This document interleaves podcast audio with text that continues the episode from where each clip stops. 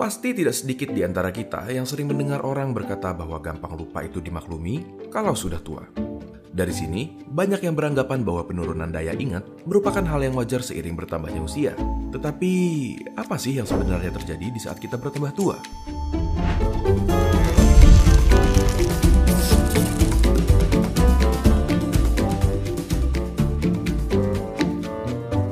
Banyak penelitian yang menemukan bahwa volume otak dan beratnya menurun seiring bertambahnya usia dengan kecepatan rata-rata 5% per 10 tahun setelah kita menginjak usia 40.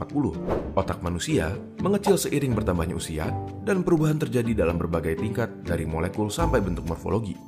Kejadian stroke dan demensia terjadi semakin sering, juga penurunan ingatan pada lansia yang dikarenakan adanya perubahan hormon dan senyawa-senyawa di otak yang disebut neurotransmitter. Dari sini, diperkirakan bahwa perubahan terjadi pada penuaan otak dalam beberapa bagian. Pertama, pada berat otak, terjadi penyusutan pada otak terutama pada bagian depan dan hipokampus yang mengatur fungsi berpikir dan pembentukan ingatan baru terjadi pada usia 60-70 tahun.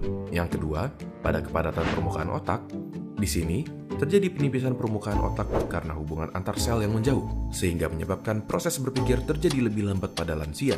Dan yang terakhir, pada sistem neurotransmitter.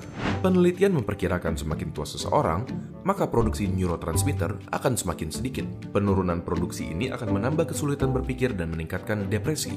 Selain itu, terdapat juga beberapa faktor yang mempercepat penuaan otak. Contohnya seperti obesitas pada usia lebih dari 40 yang diperkirakan dapat mempercepat penuaan otak sebanyak 10 tahun.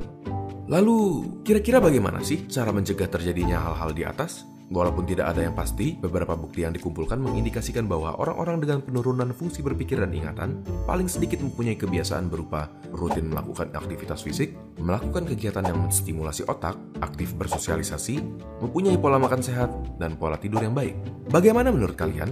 Apakah kalian akan lebih sering melakukan aktivitas di atas untuk mempertahankan fungsi otak kalian? Beritahu teman kalian agar mereka bisa melakukan hal yang sama dengan menunjukkan video ini ke mereka. Jangan lupa untuk subscribe untuk mendukung keberlangsungan channel ini. Jika ada topik yang kalian ingin kami bahas, kalian bisa tulis di kolom komentar untuk kami lihat. Terima kasih dan sampai ketemu di video berikutnya.